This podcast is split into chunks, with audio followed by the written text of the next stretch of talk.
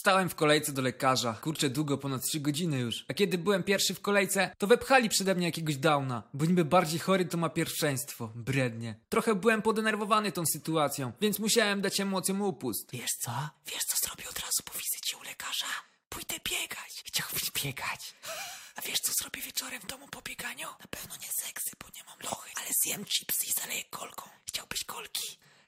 Wiem, nie powinienem, on jest niepełnosprawny, no ale mnie poniosło w tamtej chwili. No nie wytrzymałem po prostu. Mech, z nudów zacząłem odinstalowywać aplikacje na telefonie, instalować je na nowo. Spojrzałem na Downa, a ten z fakasem do mnie! Co jest? Szturchnąłem Downa po łbie i tu nagle jego opiekun, że mam wydupcać i go nie ruszać, bo jest chory i sparaliżowany. No, kok, odpuszczę mu. I tylko gdy nikt nie patrzył, Down zaczął tańczyć breakdance'a. Patrzcie co jest, kurwa, widzieliście to? Ten Down zaczął tańczyć breaka. Halo, proszę sobie nie żartować z osoby chorej. Ty chłopak nie potrafi nawet słowa wykrztusić, a pan wymyśla coś o breakdance'ie. Pan też mi się wydaje chory.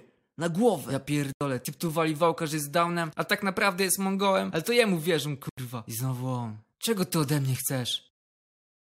Cfel. Teraz to już chuj ci w dupę.